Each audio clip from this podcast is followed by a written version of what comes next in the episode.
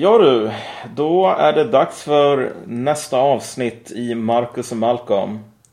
Och det har ju faktiskt, vi har ju hållit på i hela ett år nu. Ja, det är ju ett tag sen. Uh, ska jag... Sådär, nu, nu, nu sitter jag vid mikrofonen. Man måste ju alltid springa och dubbelkolla. Ett år precis.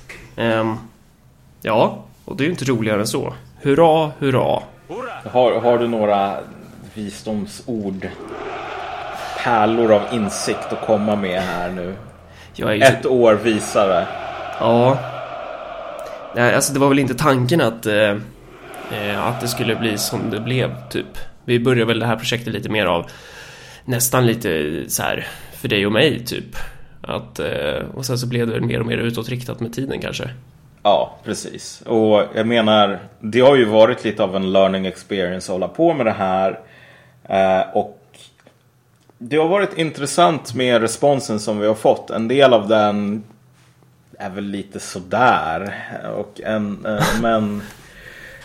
Nej men det är nice. Alltså, jag, jag tycker det är bra med alltså, all, kritik och all feedback. Eh, ja, precis. Så. Men, men, men en sak som jag tror folk har sagt och som jag tror att det ligger en del i. Är väl det här med att okej. Okay, förr eller senare så blir det lite trött tröttsamt att bara hålla på och säga så här vänstern suger ungefär. Ja, verkligen. Um, och ja, det upplever vi också. Och när vi går framåt nu så kommer vi väl mycket mindre att tala om just det känns ganska, tyvärr, ganska etablerat vid det här laget att vänstern faktiskt suger. Ja. Så att då är ju det intressanta kvar att tala om. Snarare än att säga, men varför talar inte vänster om det här? Alltså, Utan... ett problem med det och mig är väl också att vi... Eh, inte, här, har, här har vi ju information, informationsteknologins ålder, liksom när man... Så här, vad är, vilka rum vistas du och jag i egentligen? Så här, nej, alltså, det, vi har ju fortfarande kvar Facebook-feeder eh, från tiden då man var med i Ung Vänster typ, eller när man blev utesluten, så det är ju bara en massa så här vänsterpersoner som man eh, ser och då är det ju ganska lätt att så här, haka upp sig på grejer som typ bara diskuteras inom det där träsket liksom. Ja, men precis. Alltså vi är ju, vi, vi kommer ju från den världen på något sätt, både du och jag, i, ja. i någon bemärkelse. Och, och jag, jag vill ju verkligen gå därifrån. Ja. Jag, jag, jag vill ju bara elda ner det där träsket alltså. Finns, jo, precis. finns ingenting att rädda. Mm. Men, men våran, våran målsättning framöver, och det har den väl alltid varit, men det blir enklare och enklare med tiden, är ju att faktiskt tala om de här sakerna Liksom, hur världen ser ut idag, vad det är som sker och så vidare.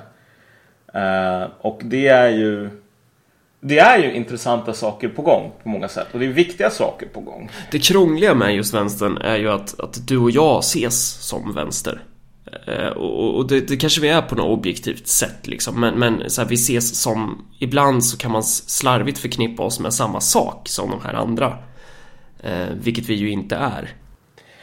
Ja och i mitt fall när mycket av det här raljerande klagandet ska komma upp så jag, jag när vi snackade förra gången med varandra så här innan avsnittet så tog jag upp det här med att så här, det är intressant att se folk ur vänstern som håller på och talar om men typ vad har man för relation till polisen? Så här, å ena sidan ena stunden så säger man ja polisen jävla grisar svin vi ska skjuta av de här med så här nackskott, ja. skicka kulan, räkningen för den till familjen. Sen när Soldiers of Odin börjar patrullera på gatan så blir det helt plötsligt så här. Men herregud, vad är polisen? Ni är ju ja. till för att skydda oss och skydda demokratin. Ni är ju de här beskyddarna för det fria samhället. Eh, och, och så, gör ni inget? Så är du. Så är du med svenska vänstern. Va? Ja, men lite grann sådär. Alltså när folk... Det, vad folk säger att de tycker är mm. oftast inte... Det är inte värt så mycket. Det väger inte så tungt. Utan mm. det är bara att se på hur de faktiskt beter sig. Och inom vänstern så hatar man på poliser och så säger man sen liksom, varför skyddar inte polisen demokratin? Och för mig är det väl så här att jag säger, jag kan på ett plan säga så här, ja men vänstern är dålig. På ett annat plan, så fort jag ser någonting som jag upplever som fel eller något sådant så blir min respons alltid, men herregud! Varför beter sig vänstern så här? Ja. Det är ju vårt jobb och och, och, och inte vara dåliga, typ. Så jag, jag har ju också mina, mina jävla issues, min naivitet att brottas med sådär. Um, och det är träligt. Men jag bor i Närke och här är Ja, vi cyniska precis. och realistiska. På ett år så har våran podcast spelats 114 000 gånger och vi ligger just nu på, om man ska titta på Soundcloud, jag vet inte om det redovisar alla siffror, jag har ingen aning om hur, hur det här funkar egentligen, men i runda slängar mellan 12 till 15 000 spelningar i månaden brukar vi ha. Eh, och det är ju inte tillräckligt. Nej, Det vill vi, ju, absolut inte. vi, vi vill ju komma upp i högre. Men det var det om det. Eh, Du har varit med och gästat i en annan podcast, ska man passa på att säga. Ja, just det. Ja, jag blev ju inbjuden till Magister med eh, Johannes Nilsson och Kringlan K. Svensson.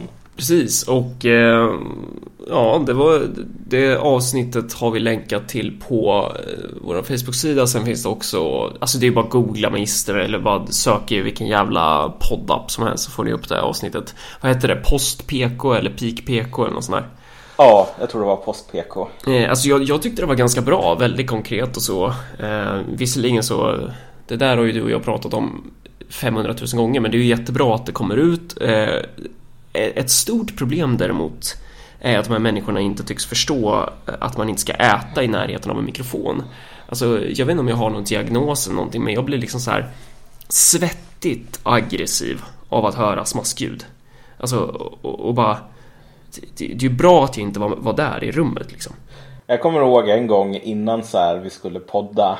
Mm. Så du ringde upp mig och så satt jag och åt chips och du blev helt jävla rosenrasande. Så ja, nej Marcus ljuger inte faktiskt. Han, han kan inte tolerera folk som eh, tuggar i närheten av en mikrofon. Jag är ju en sån som liksom så här skriker åt så här bekantas bekanta som äter med öppen mun. Och Ja. liksom blir... Nej, jag vet inte. Jag, jag, måste, jag får väl gå i terapi eller någonting. Nej, om, någon, om någon lyssnare vet vad det här kan vara för någon sorts personlighetsstörning som, som Marcus har så får ni gärna mejla in. Eh, Jag tänkte nästa steg här är att författa en debattartikel till Nyheter 24 och skriva om att man måste tänka på oss som har svårt för smaskljud. Vi måste också inkluderas.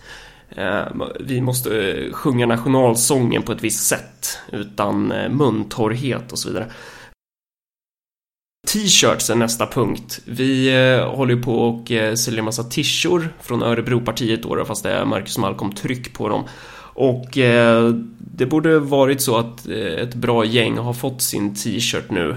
Um, och då får ni gärna göra som så att ni tar kort på er i den t-shirten och lägger upp på Instagram eller Twitter eller Facebook eller vilka jävla social media som helst under hashtaggen Marcus och Malcolm. Så blir det jättebra, för så gör man ju. Eh, och vill man beställa Gör en man t-shirt... så idag? Ja, så gör man. Så gör man idag. Ja, okej. det, det är hyfs. Sen kan man också beställa en sån här t-shirt. Jag tror det är ungefär en tredjedel av lagret kvar. Eh, Och det kan man beställa via antingen vår Facebook-sida eller eh, vår vanliga hemsida marcusochmalcolm.com Nästa punkt är Mehmet Kaplan. Klockan är 13.04 måndagen den 18 april och han man har precis meddelat på en presskonferens att eh, han avgår till följd av ett drev som jag tror initierades av eh, webbtidningen Aktuellt Fokus, ska sägas. Ehm, det, det, har varit ett drev som har varierat lite i, eh, i utgångspunkt och i vad man angriper och sådär. Det, det mesta liksom har ju varit att så här bara, man tycker att det är upprörande att Mehmet Kaplan har suttit och ätit middag med representanter från de gråa vargarna, då en fascistorganisation i Turkiet. Eh, som bland annat har försökt döda påven och sådär. Eh, alltså inte då typ så här att Mehmet Kaplan har samröre med de här eller att han liksom med största säkerhet får sina röster ifrån liksom den, eh, alltså gråvargarnas diaspora i Sverige och sånt där. Utan eh, det upprörande är att han sitter och äter middag, att han sitter vid samma bord som högerextremister. Ja, Ja, jo, jag vet inte. Jag ställer mig väl... Jag, jag kunde i alla fall inte upparbeta någon större entusiasm inför det här. Därför att jag tycker att det är en ganska... På ett plan är det en ganska liten sak och på ett annat plan så är det bara illustrerande för typ vad vi är idag rent Ja. politiskt. Alltså om du ser nu, nu av någon anledning så har massor med galna typ så här, libertarianer och liknande addat mig på Facebook. Och så då, vilket kan vara ganska nice för att man får se liksom vad det är för debattartiklar och liknande som de länkar. Men typ Mehmet Kaplan, att man måste göra det här till århundradets nyhet. Tänk på vilket kontext det sker i. Det sker i ett kontext där, i och för sig, du har den här jättesvaga minoritetsregeringen. Men sen så har du typ Moderaterna, Alliansen, som håller på och pratar om hur allting är jättedåligt, Sverige går sönder. Men de vill ju inte ta över makten. De försöker ju inte göra det konkret. Därför att de vet ju att då skulle alla de här problemen som vi har idag bli deras. Och de har ju ingen lösning heller. Så det blir det, blir det här skåd, bröd och skådespel typ där nu ska vi jaga igång oss över att någon har brutit bröd med en demokratins fiende och så vidare. Och det är så himla tacksamt snarare än att hålla på och tala om ja, men vad är det för sorts problem som en regering står inför idag? Och varför är det ingen som har någon som helst lösning på de problemen? Och det är också så här, det är lite roligt att det sker i ett läge då svenska regeringen tillsammans med andra EU-länder så här öser pengar på turkiska regimen. Ja, det är ju otroligt genant. Du har väl hört det här om... Eh, nu har en tysk komiker begått majestätsbrott. Just det. Han har hånat eh, Sultan Erdogan. Precis. Och då har ju... I Tyskland. Precis. Och mm. alltså det finns en tysk lag som låter utländska, alltså som gör att man kan bli åtalad för att ha gjort narr av ett utländskt statshuvud. Men den lagen är väldigt obskyr och den går bara... Du kan egentligen bara ställa någon inför rätta om regeringen själv ger godkännande. Och nu har ju regeringen, liksom Merkel, sagt okej, okay, det är okej, okay, ni får åtala den här personen. Så att jo, det är ju att jaga upp sig så här över, över Mehmet Kaplan. Det blir också en viss dubbel Sen, sen ska ju sägas att Mehmet Kaplan är ju ett jävla as liksom. Och han, ja, ja. han har ju uppenbara kopplingar till gråvargarna och hela den diasporan. Och det... Sen är han miljöpartist också. Ja, och det, ja, bara det liksom. Eh, ja. Och han har ju uttalat sig jävligt korkat angående typ så islamistkrigare och, och uh, försökt ursäkta vissa saker som sker i förorterna och sådär. Alltså det är ju, ja jag vet fan, han är väl inte helt reko.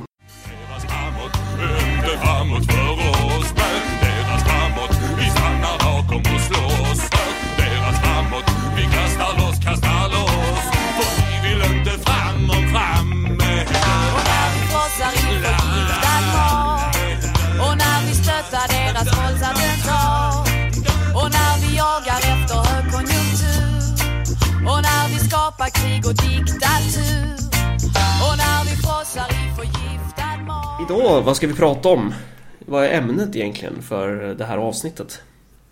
Jo, vi hade väl tänkt att spinna vidare på det som vi talade om förra gången. Då talade vi lite grann om bostadsbrist, bostadsbubbla, allting sånt där. Mm. Och nu hade vi väl tänkt tala mer om urbanisering och just sättet som det är så himla svårt för människor. Och det är egentligen inte så himla konstigt att det är så svårt. För att man lär sig aldrig att göra det. Men det är otroligt svårt för folk att ta ett steg tillbaks och fundera på vad är det för processer som, som pågår idag? Och, och bör vi acceptera dem bara sådär? Eh, urbanisering är ju någonting som har skett i olika skeenden i historien. Alltså, just nu är vi ju i ett unikt läge i världshistorien. Och det är ju att ja. eh, det är fler, eh, fler människor som bor i städerna än som bor på landsbygden för första gången i historien. Men, men så här, urbanisering har man ju haft tidigare också, fast i andra former då givetvis. Men så här, man, man kan ju prata om eh, miljonstaden Rom till exempel. Ja. Rom var under en relativt lång period, period världens största stad. Mm. Um, ungefär lika stort som Stockholm idag. Typ, kanske. Um, och det här var det ett tag.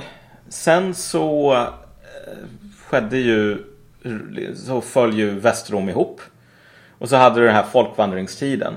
Och under den perioden så försvann ju stora städer överlag rent liksom, det försvann från Europas yta. Det fanns nästan inga stora städer kvar. Och de som fanns kvar blev reducerade till ett skugga av sitt forna jag. Så på Forum Romanum där du hade alla de här otroligt pompiga ceremonierna och paraderna och liknande för en 100-150 år sedan. Så hade du folk som betade sina jävla får. Bara, bara, bara ett... Eh, eh, vad är det? Sekel, två sekel senare. Så det gick från miljonstad till 30 000 invånare mm, kanske. Mm.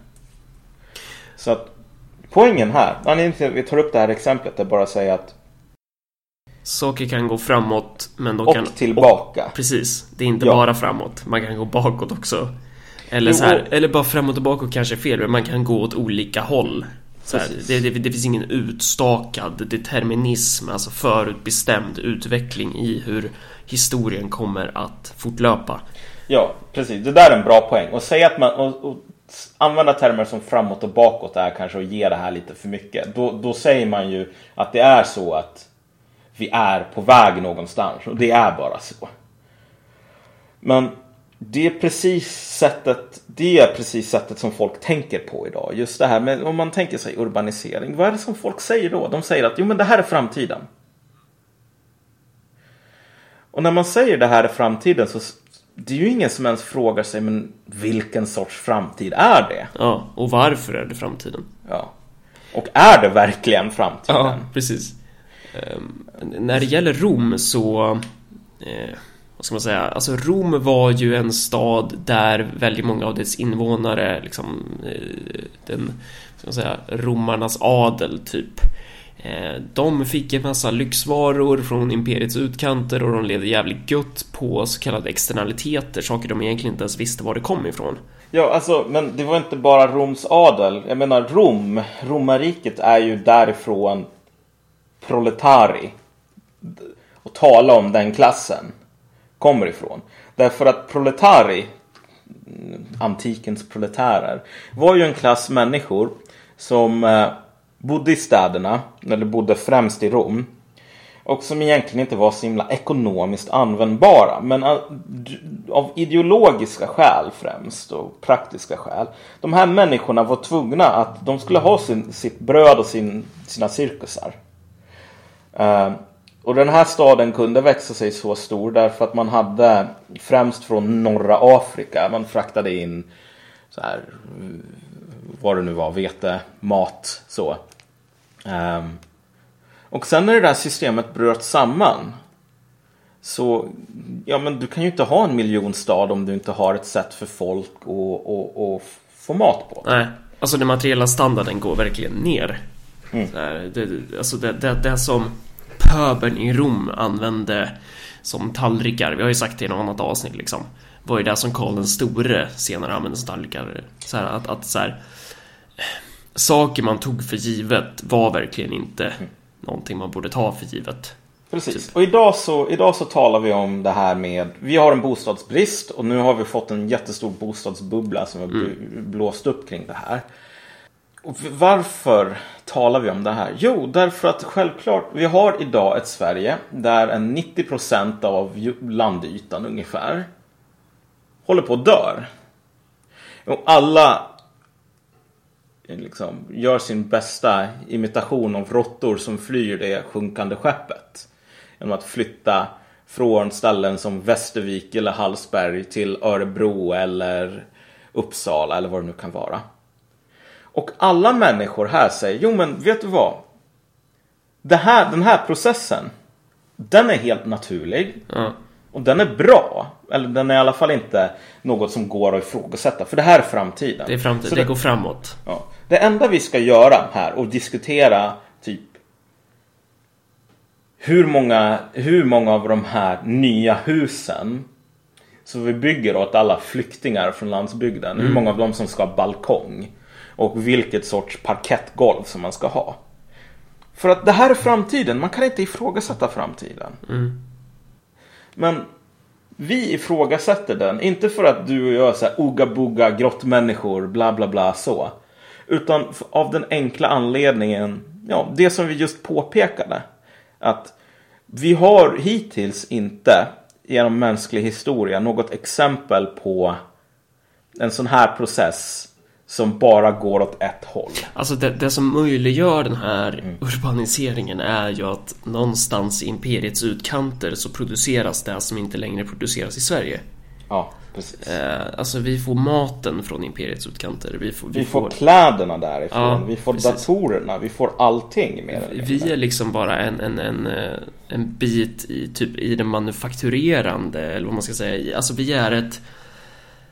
Råvaruproduktionen sker inte i Sverige. I, så, den, den, den största delen sker utomlands helt enkelt. Ja, när du säger det så så är det ju intressant att fundera på så här. Vad för sorts roll har svenska arbetare? Vad för sorts roll har Sverige idag i någon sorts större kontext? Och nu med tiden så blir de väl lite grann mer och mer som Roms proletärer. De där, den där klassen som, av människor som man måste tillgodose deras behov. För att, jo men det är så det ska vara. Men som de odlar ingen mat, de tillverkar inte så himla mycket utan de, de finns bara där. Och sen så går någonting sönder någonstans och sen så blir det jättejobbigt att vara de där människorna som bara finns där. Eh, svenska arbetarklassen finns ju i allra högsta grad men, men den krymper ju i termer av, alltså sett i relationen Sett till den roll man tidigare haft där man haft en tydlig nisch i det ekonomiska systemet i en växande ekonomi Där ma- typ majoriteten av svenska arbetarklassen jobbade i, i bruken, på fabrikerna, på, alltså eh, man, man hade sin plats men nu så har den där platsen åkt till Kina typ Ja men precis. och kvar, kvar är liksom ruinerna av en svunnen tid. Ja. Och du har ju läst kultur, du håller väl på att läsa kulturgeografi nu? Nej, jag, det är C-uppsatsen i statskunskap jag håller på med. Men jag läste lite kulturgeografi, eh, gjorde jag. Eh, och då, ja, då, då snackade man ju ganska mycket om sånt där. Eh, jävligt bra ämne för övrigt. Inom kulturgeografin så pratade man om eh, några människor som man kallade för den kreativa klassen. Eh, och det var då inte typ så här de som tidigare jobbat på industrierna innan det att industrierna flyttat till Kina. Utan den kreativa klassen, det är de här som kommer till de här nedlagda bruksorterna och typ, jag vet inte vad, driver internetföretag. Bland annat så tog man upp ett fall, eh, Järnboås utanför eh, eh, Nora här i Örebro län. Eh, som är typ ett projekt där man har lyckats locka dit eh, flera holländare och tyskar eh, som då driver typ så här internetföretag, alltså har platser i produktionen där man kan bo ute på landsbygden och ändå livnära sig typ. De här människorna pratar man om som den kreativa klassen liksom. Det här var typ räddningen på landsbygden. Att de här, de här kommer och eh, livar upp eh, orterna igen. Typ att så här, tack vare de här så har man öppnat en byaskola. Man har så här eh, gjort orten trendig igen. Ja. Och du vet, jag tycker den, talet idag om den kreativa klassen är otroligt intressant. För man säger ju att det här är en klass. Men man ställer inte någon fråga, men vad är det här för sorts klass? Man tänker bara att det här är människor som är smarta. Att det, så. Ja, och det är verkligen den sortens eh, förakt som råder mot svenska folket. Liksom att säga bara Ja. de här, de här människorna som föddes i, i, i eh, jag vet inte, random bruksort liksom. De, de är inte smarta, de fattar inget. De, de har ett lägre intellekt. Alltså du kan hitta debattörer som säger så rakt ut. Med- Medan man pratar om de här andra människorna som har förmågan att vara, att ha entreprenörskap. De eh, går inte bara och väntar att de ska få en anställning på bruket igen, bla bla bla. Att det, det, det, det är den Jo. aspekten av det också. Precis, men rent, rent väldigt så här enkelt materialistiskt här. Den kreativa klassen är en klass som, som i sin självbild ser de sig som människor som kan bo var som helst. De behöver bara ta med sig sitt tangentbord och så kan de mm, trolla med sin magi typ. Och sen bara kommer maten in i kylskåpet och Ja, kläderna går att köpa liksom och Jo. allt det där.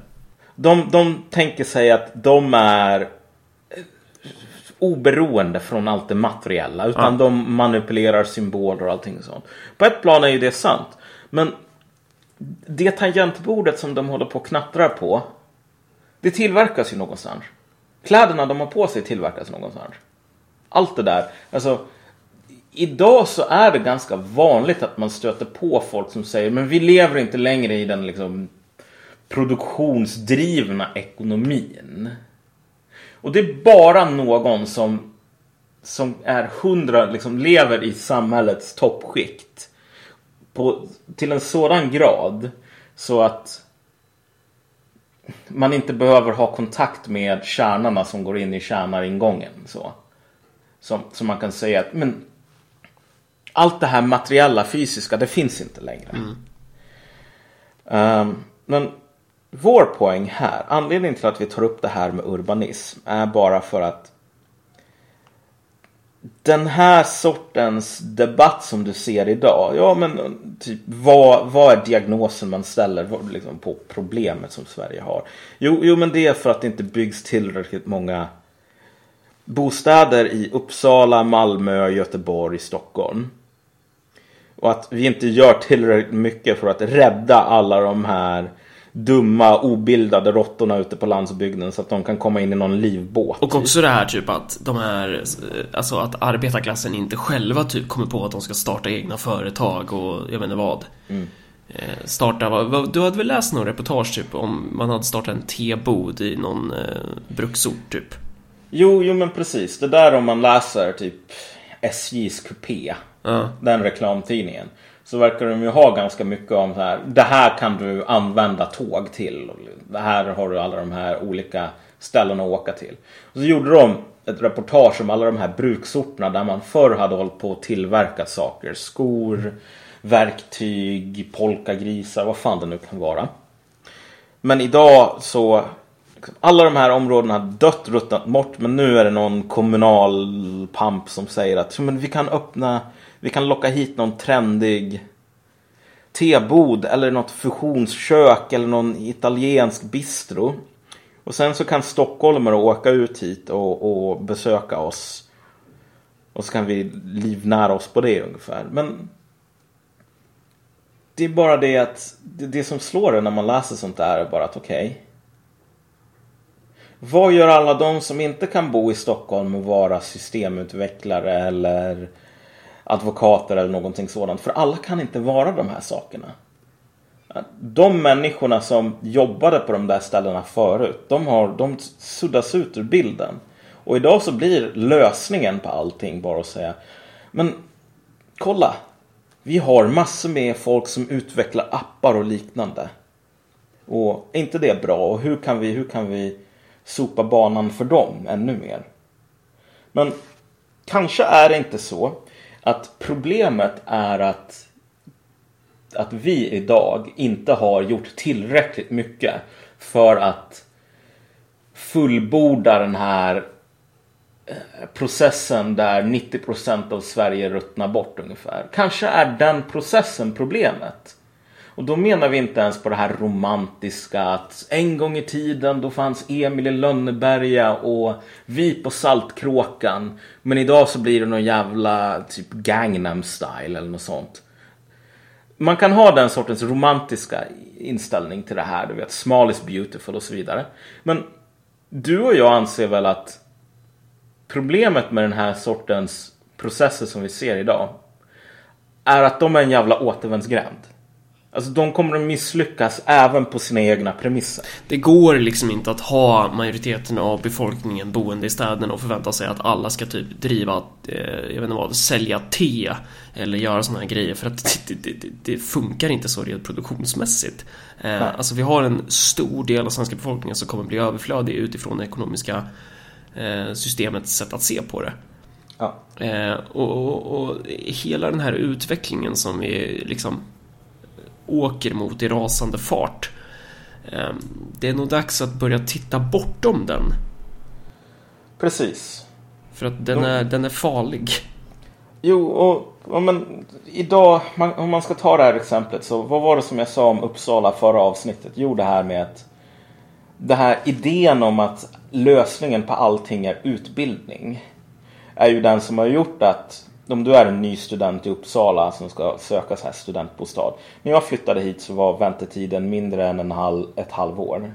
Idag är väntetiden på flera år. men anledningen till att det är så är ju bara för att alla tänker att jo men jag personligen kan utbilda mig och bli någonting så att jag inte är en av alla de här jävla loserna som står utan stol i hela havet stormar. Det gör inget om vi inte har en matproduktion, för vi kan ha fyra miljoner advokater istället.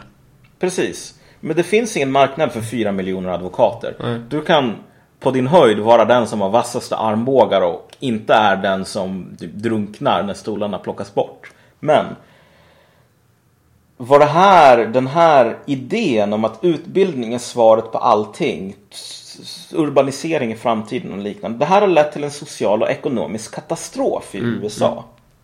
Och vi kan ju i och för sig säga att ja, men i Uppsala kommer det här inte att leda till en social och ekonomisk katastrof. Eller i Sverige kommer inte det att göra samma Det, sak. det bygger ju på idén om att allting kommer fortsätta, att, att så här, imperiet som är en del av, alltså kapitalismen, det kommer liksom fortsätta vara Ja men det går att Sverige, halva Sveriges befolkning är advokater för vi kan sälja våra tjänster på en internationell marknad eller någonting sånt. Så får vi pengar och så kan vi köpa mat. Ja, jo men precis. Men, men redan idag så finns det en illustration i verkligen liksom stark contrast. Vänd bara blicken mot USA och du kommer att se att den här tågturen eh, eh, turen in i framtiden, den slutar i en jävla klippvägg. Och då borde vi i Sverige åtminstone ha om inte modet så i alla fall självintresset nog att tänka Bör inte vi fundera på om vi kan slå in på ett annat spår alternativt dra in broms innan vi också blir till mos? Och det är ju flera utmaningar som ställs på eh, vårt land. Eh, så, så, som liksom urbaniseringsprocessen tvingar fram. Och det är ju dels så här eh, mat. Så här, bara frågan, var ska vi få mat ifrån? Mm. Att, så här, det, det borde ju vara en, en ganska central politisk fråga om man eh, kan se längre än något år bara. Ehm, samtidigt som man har en, eh, en fråga som är så här Ja men typ halva Sveriges befolkning bor ju i de här orterna som liksom faller samman. Ehm, vi, vi, vi kommer ha en, en, en stor del av vår befolkning kommer vara i permanent arbetslöshet. Ja. Alltså hur, hur, hur kan man kombinera det här? Hur kan man titta på olika eh, andra sätt att organisera produktionen på? Eh, går det till exempel att så här, frikoppla vissa områden av den nuvarande ekonomin? Och det där låter ju jätteflummigt men så här Jag tror att det är fel sätt att uttrycka saken på av den Ja. enkla anledningen att stora delar av landet håller redan på att bli frikopplade idag. Ja, precis. När, när människor inte ens, inte ens är en reservarmé. Utan de är liksom eh, Alltså på arbetsmarknaden. De är barbarer. Ja, Det är vad de är. De finns inte ens med i, i kalkyleringen, eller ja, på något sätt finns de med i kalkyleringen, men väldigt, väldigt långt liksom. Alltså, det enda sättet för att typ så här om du har ett läge där 30% av befolkningen kommer vara i permanent arbetslöshet då, det som krävs är ju typ antingen massmord eller en, en omfattande epidemi för att de här människorna ska bli relevanta in, i någon kort period igen och sen bli relevanta då. För att Ja. Ehm, Så, så man, man går ju in i ett läge där de här människorna redan frikopplas från systemet på något sätt. Men precis. Men åk till Detroit och du kan gå till liksom stora områden av staden som är helt övergivna. Gatlyktorna har inte fungerat på 25 år. Ja. Polisen åker inte ut dit. Eh, husen håller på att falla sönder. Ingen bor på typ en halv mils avstånd så är det så här helt öde. Och du, du har stora gäng av vilda hundar som håller på att stryka runt och liknande. Och folk som odlar mat i förfallna eh, villatomter så. De människorna har blivit helt frikopplade. Det är inte så att det flyttade massor med hippies till Detroit som bedrev något krig mot the man och Ja. vann. Utopiska socialister typ. Nej. Det här var människor som bara lämnades vind för våg. Som övergavs. Och väldigt många människor i Sverige håller på över... Liksom, de håller också på att bli övergivna. Och ännu fler kommer att bli det. Och det är väl det som är den här verkligen sura bismaken i, i, i vad ska man säga, kring hela sättet som folk pratade om den här flyktingkrisen. du har redan en massa med människor i Sverige som har blivit övergivna. Och jag kunde inte se något tecken alls i allt det här talet om godhet och liknande. På att de här flyktingarna inte heller skulle bli övergivna sen. Så här. Det, det, men det är inte trend, alltså vita kränkta män återigen, de kan man hålla på att göra narr av. Alltså de förtjänar det, för de är dumma i huvudet. Så. Det är ju det som, så som folk eh, rationaliserar det här. Idag så har vi en process där massor med människor blir övergivna. Och precis som alltså Ku Klux Klan behövdes i södern. Därför att liksom södern efter inbördeskriget. Det fanns ju så här, republikaner svarta som ville bygga ett nytt samhälle där svarta kunde vara någonting annat än typ slavar. Men demokrater och plantageägare gick ju ihop. För de förstod ju på något plan att det samhället som man hade då och de posterna som folk på toppen hade där. Allt det skulle försvinna. Om, om, om de här svarta skulle liksom inkluderas. Så då måste man ju hata. Man måste hata folk som, som, som är utanför. För att annars så riskerar alltid systemet att falla ihop. Ja. Såvida man inte lyckas bygga något alternativ eller något sånt. Jo, och det är ju det som är utmaningen idag. Ja. Vi, vad vi behöver göra, och nu säger jag inte ens vi i vänstern för jag är ganska osäker på om det här är något som skulle intressera särskilt många som ser sig på det sättet. Vår uppgift kommer inte att vara så här störta kapitalismen eller något sådant. Alltså det är lätt att säga det. Men du har, ingen, du har ingen jävla business att tala om att störta kapitalismen i ett läge där du inte kan ta hand om de människorna som spys ut av att kapitalismen själv håller på att falla sönder. Om du fattar vad jag menar. Eh, här, någon, någon som inte någon som inte vet vad man ska göra när typ det här fienden bara dör av ja. senilitet och typ åderbråck och cancer. Har ju... Jag menar, det är ju där som är problemet ligger på något plan. Ja. Nu lät det här jätteflummigt men, men men min, min, min poäng är bara så här att idag så har vi allvarliga problem, eller vi går mot det i alla fall, där du har folk som överges av systemet. Ungefär som du vet, en kropp som håller på att frysa ihjäl drar ihop blodkärlen. Mm. Och så får, får fötterna och benen och händerna de får typ dö. Mm. Svartna ihop och bara ramla av ungefär. Därför att man, man bevarar det viktigaste, vilket är liksom torson. Så. Men de här människorna som utgör fötterna och händerna och benen idag. Finns det någon som bryr sig om dem? Finns det någon som är intresserad av att se till så att de här inte bara får typ svälta ihjäl vind för våg? Eller är det så att för att vara en riktig människa idag, då ska du flytta till Uppsala och plugga turistvetenskap. Eller utveckla en jävla app. Är det bara sådana människor som ska få överleva? Mm. Ja, enligt, enligt deras logik så är det ju så. Jo, för att det här är ju framtiden återigen. Det är ju det är så otroligt viktigt idag att vara progressiv. Och typ, vad betyder det att vara progressiv? Jo, men det betyder att gå framåt typ.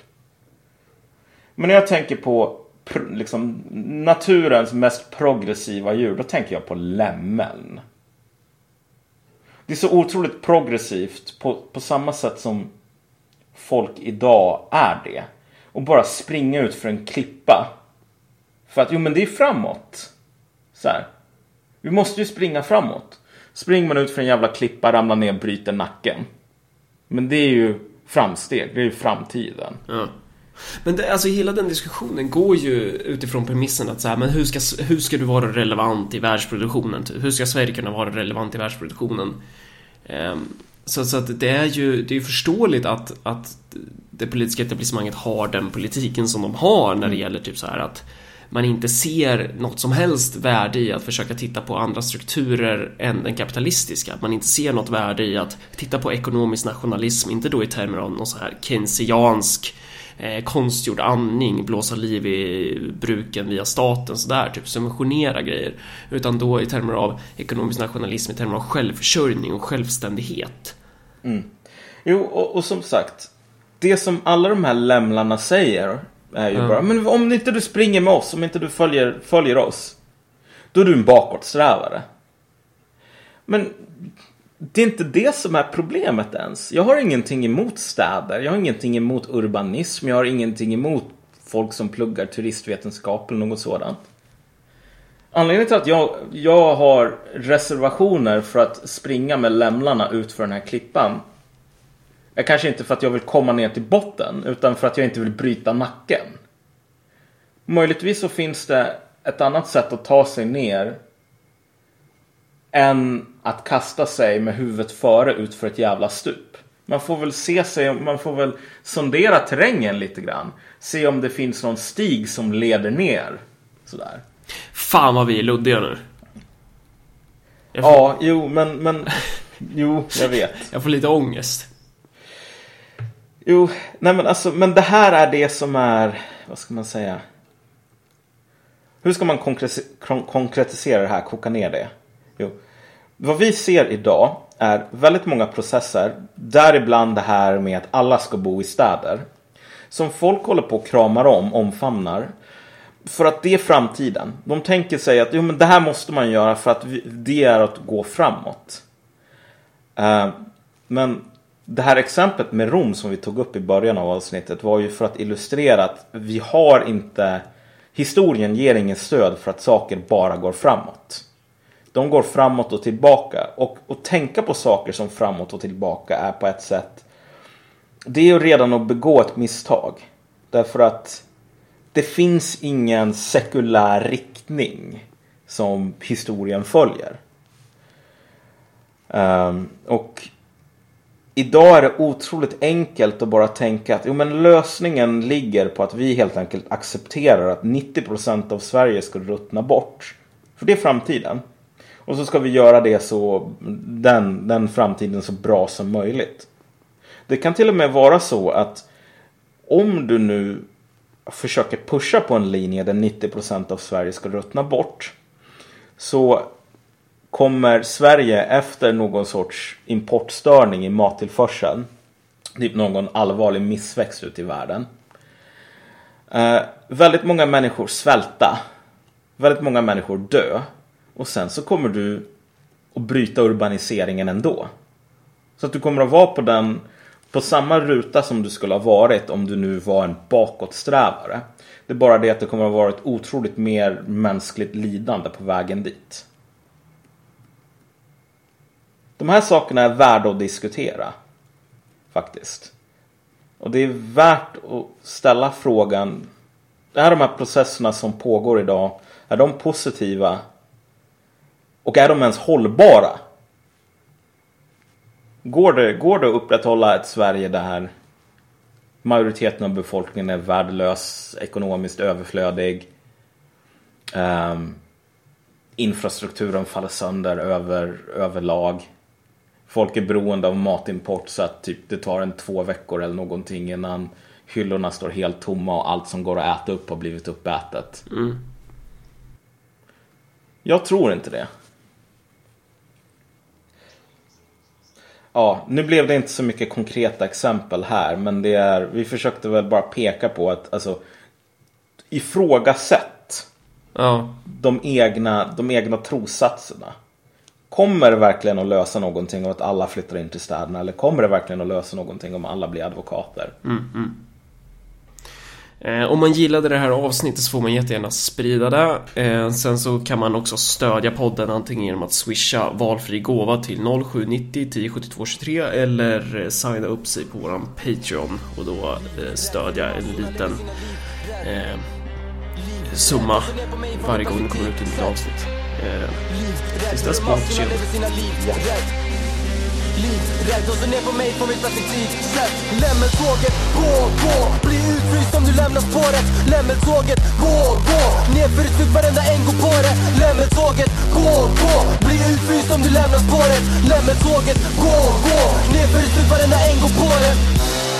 Hej då, hej då, ska du inte följa med? Nej då, nej då. Varför så tråkig? Säg då, säg då. Max please